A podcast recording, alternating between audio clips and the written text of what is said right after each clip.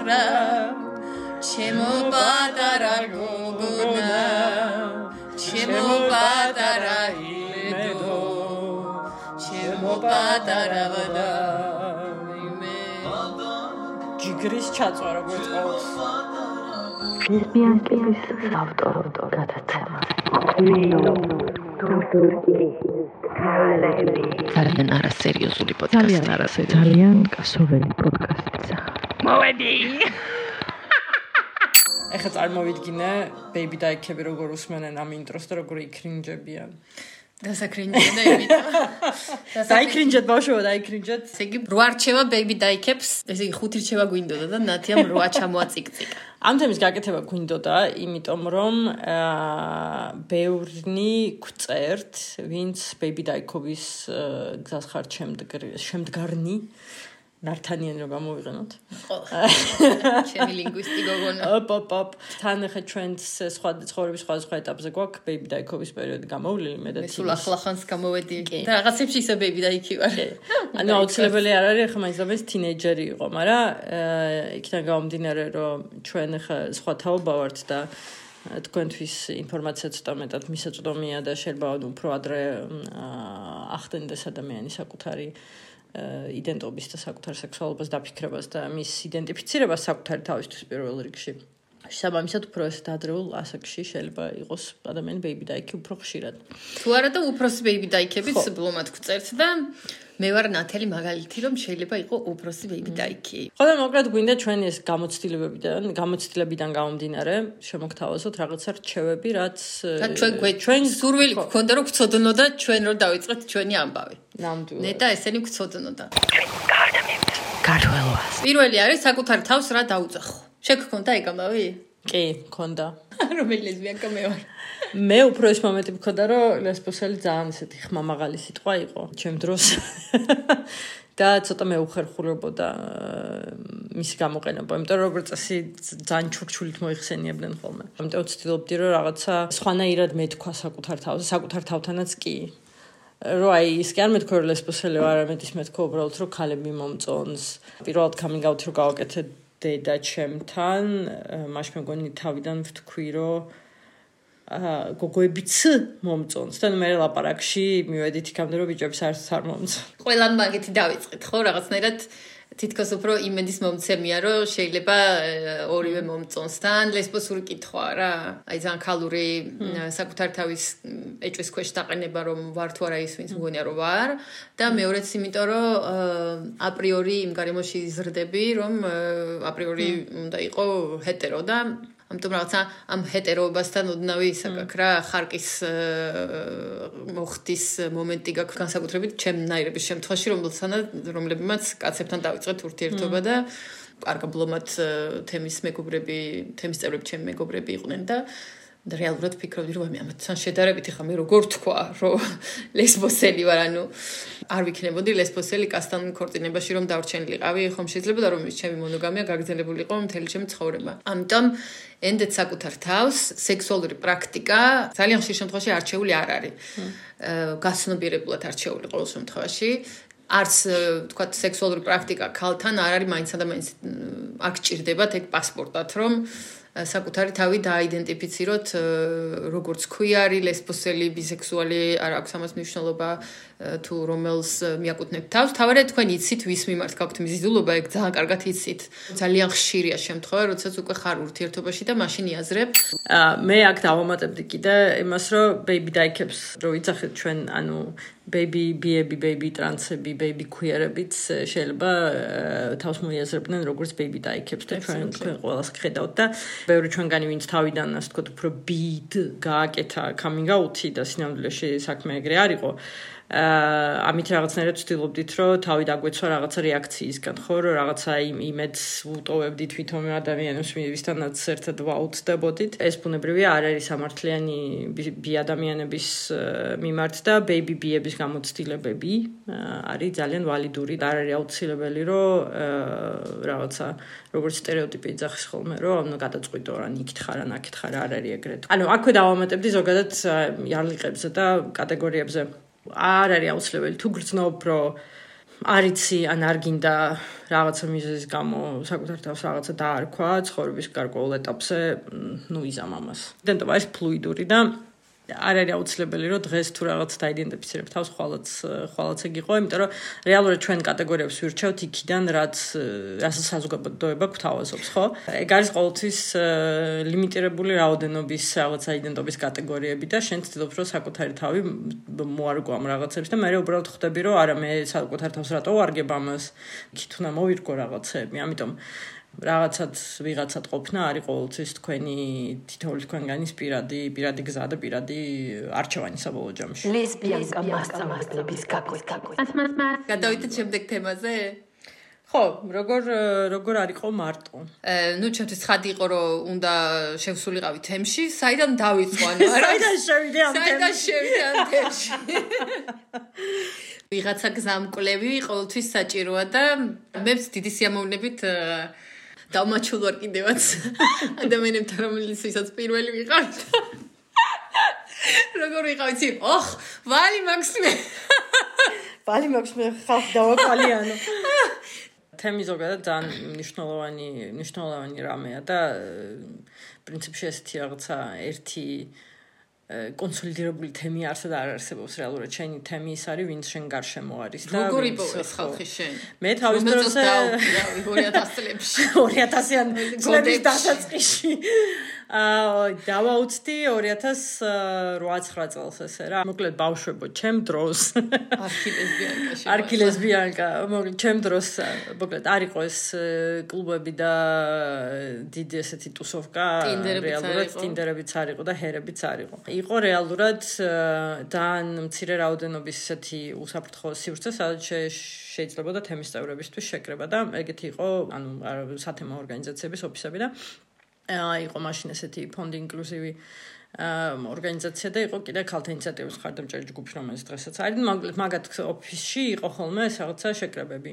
მე არ მივდიოდი როგორც აქტივისტი მივდიოდი როგორც ესეთი საშუალო სტატისტიკური შეშინებული ბეიბი დაიკი რომელიც პირველად მიდის კინოსაყურებლად სხვა თემის წევრებთან ერთად სადღაც სივრცეში სადაც არ ყოფილა და მახსოვს რომ ანუ მეტროდან რომ გამოვედი და მივდიოდი მიმართულებით სადაც ვიცოდი რომ ეს ოფისი იყო.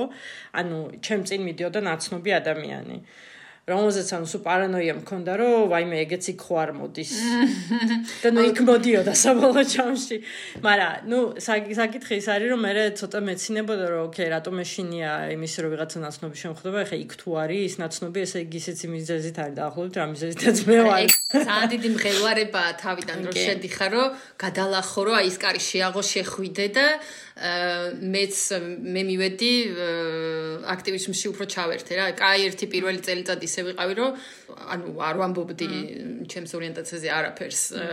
სანამ რაღაცა უფრო უსაფრთხოდ არ ვიგრძენი თავი ამ ადამიანებთან ერთად მე ტინდერ ძალიან დამეხმარა იმის რა ქვია მე ტინდერზე უფრო ბევრი მეგობარი შევიძინე ვიდრე დეითი. ანუ ჩემი მთელი თემი ლიონში სადაც ვიყავი თუნდაც სტოკჰოლმშიც შევიძინე ტინდერის საშუალებით როცა დავიმაჩე ვიღაცებთან და მივხვდი რომ იქ არ იქნებოდა ან რომანტიული ან სექსუალური კავშირი არ იქნებოდა და აი დავმეკობრდით და ეს ძალიან დამეხმარა მაგრამ აი გადალახვა იმის რომ ვიღაცა და მინახავს ხო რა აქ შევედი. და ნუ მოკლედ თემის პოვნა შეიძლება Tinder-ზე, შეიძლება NGO-ში, აქტივიზმში უფრო აქტიური ჩართვით, შეიძლება სათემო ორგანიზაციებში, შეიძლება შენ ჩამოუთვალო ალბათ რამოდენიმე. კი, არა, ხო, ну, სათემო ორგანიზაციები ისეთი როგორც არის, ანუ იგივე ვისკი, ანუ ქალთა ინიციატივის ხარდამჭერი ჯგუფი, იგივე თანასწორობის მოძრაობა, იგივე თბილისი პრაიდი თემიდასაც აქ მე მგონი რაღაცა სათემაშო ხედრები ტრანს და არაბინარული თემისთვის მოკლედ. მათ სოციალურ ქსელს რო რო მისდიოთ შეგლეთ მიწეროთ კიდეც ჩატში და იპასუხებენ აუცილებლად აქ თუ არა მაგალითად სათემაშო ხედრები და ასე შემდეგ არის დახურული Facebook ჯგუფები სადაც რა ხმამაღლა არ ვიტყვით მაგრამ თუ ვინმეს აქვს სურვილი მოგწერეთ დაგამატებთ. კი ბატონო. და მნიშვნელოვანი არის რა ორი მომენტი რაც დავამატებდი ანუ მე ჩემ შემთხვევაში ძალიან ძალიან დიდი ხანი ვიცადე ჩემი აზრით, სანამ მივიდოდი და სანამ თემს, ასე ვთქვათ, გულს გადავუშლიდი და თემში შევიდოდი. და ვიცდი დიდი ხანი ზუსტად იმ მიზეზის გამო, აა რომ აი ვიღაცა ჩემზე გავლენას მოახდენს და მე ჩემს უნდა გადავწყვიტო ხო მე მე უნდა გადავწყვიტო ჩემით ვინ ვარ და რაღაცა ანუ სინამდვილეში იმის და მივხვდავთ რომ არანაირ ლესბოსელებთან შეხება ცხოვრებაში არ მქონია აა ფეჩენ ბავშვობის განმავლობაში ესა და რაღაცა ანუ ამას არანაირად არ შეუცვლიათ ჩემი ასე ვთქვათ გამოცდილება არც ის თუ ის მიმართ მქონდა ლტოლვა და არც ის ვინც ვარ დღეს რეალურად, ხო? უფრო ადრე რომ ვისულიყავი რეალურად ადამიანებთან, თავს დავიღოვდი ბევრ დიდი იმ დიდი მარტოობისგან, რომ რომელიც რომელშიც გავატარე ჩემი ნუ მოზარდობის დროს კიდე არ იყო ჯერ ეგ, მაგრამ აი უნივერსიტეტის პერიოდში რაღაც 2006 წლიდან გაჩნდა მე მგონი პირველი ორგანიზაცია და ეს სივრცე ანუ კარგა რამდენიმე წლიანი მარტოობას იმას ვიზავდი, რა ქვია, ავირიდებდი თავიდან, ამიტომ მგონია რომ უბრალოდ მნიშვნელოვანია რომ სადაც მიდიხართ უბრალოდ რომ იყოს უსაფრთხო სივრცე.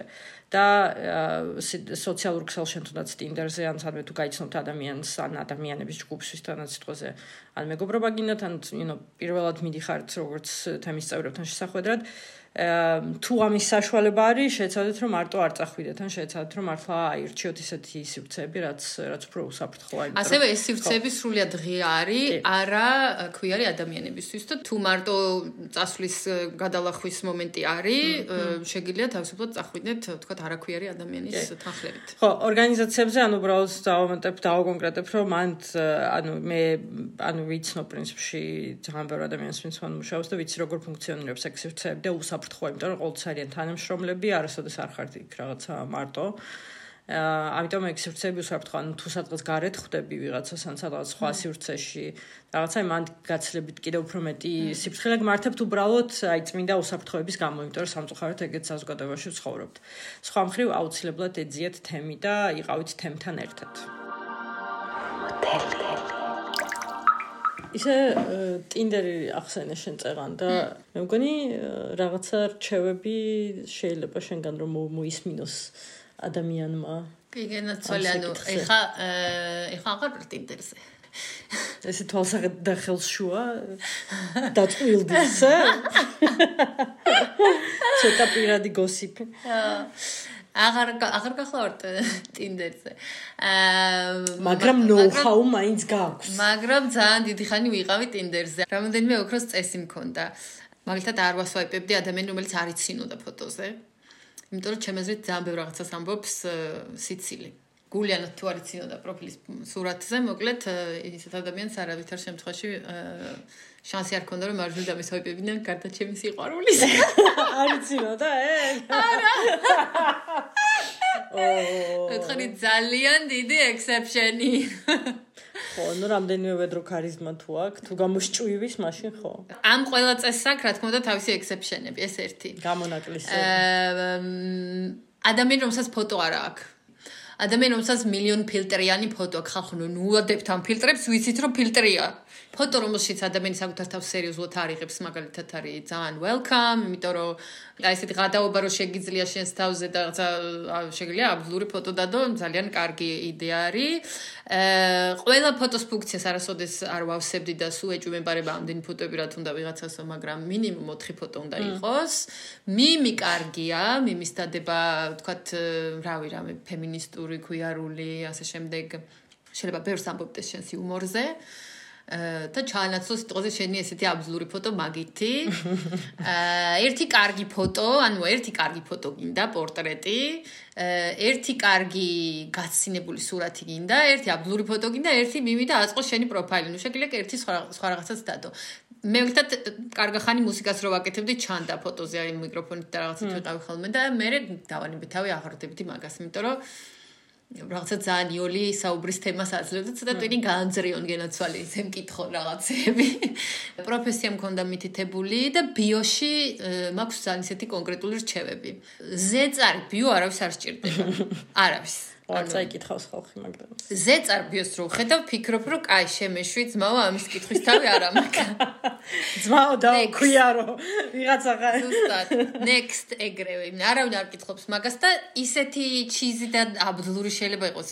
ეგრო აი არ ვიცი პროსტა მაგაზე boring არაფერი შეიძლება არ იყოს საერთოდ არაბიოს garaშეც არ ვასვაიბებ. კარტა ჩემი სიყვარული. აი ეს მაგას ბიოცარ ქონდა. ბიოცარ ორი სურათი ქონდა არიცინოდა და ბიოცარ ქონდა. მოკლედ აი ეს არის მაგალითი გამონაკლისისა ხო. ხო ოღონდ აი ეს აი ეს წესი რამდენჯერ გადაც გადავამოწმე და დავარღვი კარტა ჩემი სიყვარული. ხო ყველა ჯერზე ვიდანი ყველა ჯერზე რომ აი და აი ჩემი ერთ-ერთი ჯევა ეგ არის აი ენდე ინტუიციას რა. რაღაცა თუ ოფ არის ესე იგი ოფ არის რა შენ თავს ენდე ბიოზე ვიყავი რა ანუ ამ ბიოში ხარ რა უნდა ჩაწერო. მე ვიტყვი მე რას მე რა მეწერა ხოლმე რა. ძალიან ღიად მეწერა ყველა შესაძლებლობა რაც ამ შეხვედრა შეიძლება და მოყოლო და ლისტივით მქონდა კოცნა სექსი მეგობრობა რაც გაგვეხარდება მე ერთი პერიოდი მქონდა ტინდერი მეგობრებისთვის სამეგობროთ მაგალითად და სექსი ამოვიღე და კოცნა და რაღაცები ამოვიღე და დავამატე ჩემი ინტერესები იმიტომ რომ ვეძებდი ადამიანებს ვისთანაც შეიძლება და რაღაცა საინტერესო საერთო ინტერესები მქონდა და იქ მეწერა თქვა ლიტერატურა female gaze არაკაცი ავტორები ის keyword-ები რომელიც ჩემთვის მნიშვნელოვანია და რომელიც რომელიც შეიძლება დაინტერესებულიყო ვიღაცა რა აუცილებლად დაწერეთ თუ ეძებთ მეგობრობასაც იმიტომ რომ აი ვიღაცა მქონცებთან ვიღაცებთან შეხვედრი ვარ და მე რაღაცა ძალიან დიდი გულდაწყვეტები ყოფილა რომ აა უი მე მე მეგობრობას რო ეძებდე ტინდერზე თუ რაღაც მაგრამ ნუ ყოველთვის კარგია რომ ეს ღიად იყოს დაწერილი რა. Friends with benefits თუ ეძებთ ეგეც რო იყოს დაწერილი. მაქსიმალურად ცხადად მოკლედ იუმორით цаრიელი ემოჯიები რო არის ღმერთო ჩემო ეგეც არ ქნათ გთხოვთ ხო, ანუ no goes და ყველაზე დიდი no არის უარყოფითები არ დაწეროთ ხალხო. არ დასვაიპო თუ bla bla bla. არ შენ არ დასვაიპო და მეც არ დავასვაიპებ, ანუ როგორღაც როგორღაც მოგვარდებით, ანუ შემეშვი უმკარნახობ მანდედან. თქვენი რეალობისგან გინდ ტექსტუალურად და გინდ ფოტოებისგან ძალიან განსხვავებული პროფაილი თუ გექნებათ, მე ძალიან მალე გამოჩნდება ეგ ამბავი. და ბოლო რჩევა არის რომ მეგობარს გადაამოწმებინეთ მე მეგობარს ვამოწმებინებთ ხოლმე ვეკითხებოდი ეხა ეს ეს ადამიანი პროფილზე რო უყურებ მგავს ანუ. და თუ კის მეტყოდნა ერთი ფოტო მქონდა რომელიც ძალიან მომწონდა და მან რა ქვია ჩემმა პირველმა შეყარებულმა მითხრა სხვათა შორის ეს საერთოდ არ გგავს შენო ანუ ვინ არისო არ ვიციო და თუ გინდა კონდესო მაგრამ ვაფშე არ გგავსო და ავიღე მე ალბათ ერთი რასაც დავამატებდი და მე ისე უსაფრთხოებას და იმასე მივდივარ. არ ვიცი ტინდერის ზოგადად ალგორითმი ესე საჯაროდ გამოსაჩენ ფოტოებზე ნუდებს თუ უშვებს თუ უშვებს არ სემაი ნუდები შეგირა და მე ყოველთვის მქონდა ერთი ლიფიანი ფოტო. ნუ ლიფიანი ფოტო კი ხო, მაგრამ ნუდები არ დადოთ. არა არა რა ნუდები. ადამიანთან კონტაქტს რო დაიწყებთ ასევე არ იმას აკნათ რა ქვია არ ჩაუგდოთ იმის garaში რა ქვია კონსენტის garaში კონსენტის garaში და ეგერთი და მეორეც ერთი. რა მე მგონი რომ რაღაცა პერიოდი უნდა კონდეთ მიმოწერა დარწმუნებული უნდა იყოთ კიდე როცა ნუც უგზავნით თავი მოაჭერეთ ყოველთვის აუცილებლად. ხო რომ არ იყოს იდენტიფიცირებადი. All the way from sweden to soso. Tele tele tele გადავიდეთ შემდეგ თემას. გეიდარზე ვჭობდით მე და შენ ბევრს და სტილზე და რაღაცა queer კულტურას და რაღაცებს აი ეს ანუ ეს ყველაფერი არის ის რაც შეიძლება დაგეხმაროთ. ანუ თქვენ ციპო სხვა ადამიანები ვინც queer-ები არიან და სხვებსაც დაანახოთ. სიგნალი მისცეთ რომ queer-ი ხართ ხო? ჩაცმულობაზე მაინტერესებს შენგან უფრო იმიტომ რომ შენ შენ ყავ ხარ ეს ფრიად გარკვეული ფეშენისტა. მაგას საერთოდ არ აქვს მნიშვნელობა ჩემთვის შენ გაქ იმენა ძალიან დაიქური ვაიბი ჩაცმულობით იმენა. თუნდაც იმიზა რომ you don't give a fuck მაგალითად. that's it ეგ ცალკე განაცხადია რა. ანუ შენ რა ცვლილებები შეიტანია? დარწმუნებული ვარ რომ შეიტანი როდესაც ნელ-ნელა შეხვედი ხო და აუცდი და მ რა ვიცი მის შეჭრიდან დაწყებული შენი კუბოკრული პერანგებით დასრულებული ჩემო და აი ასე რომ no no არ გეთახმები არ გეთახმები ხოლმე ისე პრინციპში კარგა ხანი მივდიოდი აქეთკენ, იმიტომ რომ როდესაც ანუ სარკეში იხედები და შენს თავთან კარგად და კომფორტულად ხარ, ეგ არის შენი ასე ვთქვათ queer სტილიც და ასე შემდეგ. ახლა ვიღაცებს, ვისაც უფრო თან ან ანდროგინული ან უფრო რაღაცა მასკულინური თვითგამოხატვა გვაქვს.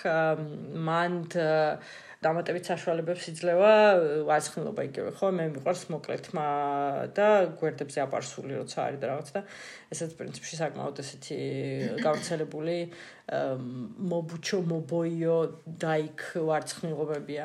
კუბო კრუპერანგებზე სუღადაობა, იმიტომ რომ ანუ ძალიან ლესბიანკური ძალიან ესეთი ნიშანი აქვს. ბოკრული მაქვს, სხვა შორის არც ისე ბევრი, ორი. მე სამი მაქვს. სამი ქონა და მე სამი გამიფრინდა თბილისში, სარეცხინი და თოკი და მე თუ იპოვა. მე თუ იპოვა, შეგერგოთ. პრინციპში იდენტიფიცირებადები ესე სტილით და ტანსაცმელი და შემდეგ ვართ ხოლმე როგორც წესი, ანუ მართლა ცოტა უფრო იქით ანდროგინულ მასკულინურისკენ მყოფი ქუიარები. ანუ დაიქები რაც ცოტა გვიჩაგრავს ფემებს. იმიტომ რომ მე ვიცი რომ ჩანო ჩემ პარტნიორი მაგალითად რომელიც არის ფემი. მე მე ჩემი ყოფილი. რომელსაც ანუ როგორ როგორ ისაა, იცი, აი ფრუსტრაცია სული, იმიტომ რომ ხედავსო. სიტყვაზე ან ჩემთან ერთად, ან თავის ვიღაც მეგობრებთან ერთად მაგალითად ადრე როცა იყო ხოლმე, ანუ მეგობარი იდენტიფიცირებადად ქვიარია, და იმასთან მიდიან და ელაპარაკებიან როგორც ქუიართან, აი ქუიარწრეებში უგულისხმობ რა. და ამას უყურებენ როგორც მე რა, კარგი მეგობარი და მხარდაჭერი ხარ და იმინა #li. ეგეც მნიშვნელოვანია, რომ კი რაღაც შემთხვევებში გარეგნულად შეიძლება ვიღაცის დაიდენტიფიცირება შეძლო. მაგრამ ყოველთვის ესე ცალსახად არ არის. კიდე ერთი მომენტი არის რეალურად ენერგია და გამოხედვები და რაღაცეები რა, იმიტომ რომ ხა ანუ ქუიარები როგორც წესი ერთმანეთს მაშვებიან რა ცნობენ და ეხა ქალი ფემი ფემი იქნება თუ არ იქნება ფემი როგორ გიყურებს ამ არ გულისხმობ მაინც და მეც ხა რაღაც სექსუალიზებულ მზერას ხო? ანუ მაგითიც ხვდები რომ კი ორივე ქუიარები ვართ პრინციპში და ეს არის რაღაცა ესეთი მზერა რომ რომ რომ რომლითაც მაგის მაგ ინფორმაციის გაცვლას ვახერხებ მაგდა თაიფემები რა თქმა უნდა, ძალიან განიცდიან ამ თვითონ თემში უხილავობას, რომ შეიძლება არავინ არ შემოხედოთ, შეიძლება უცებ ვერ დაინახონ, ჩემი ყოფილი პარტნიორი იყო ძალიან ჰაიფემი და ხშირად ქონდა ამაზე ლაპარაკი, მაგრამ თვითონ მაგალითად აი ამ ჰაიფემობას, აი ამ მაღალ ქალურობას ტვისტავდა ძალიან, ანუ თვითონ ფიქრობდა, რომ აუცილებლად უნდა დაგენახა, რომ ქვიარი იყო, იმიტომ რომ ყოველთვის მithვისებაში და დეკონსტრუქციის ნაცვლად ამის სრულ გადაჭარბებაში რა, აი რაღაცა ისეთი ფემინურობის მიღწევაში, რომელიც ბევრად უფრო მაღლა დგას ვიდრე თავად სტანდარტიც კი.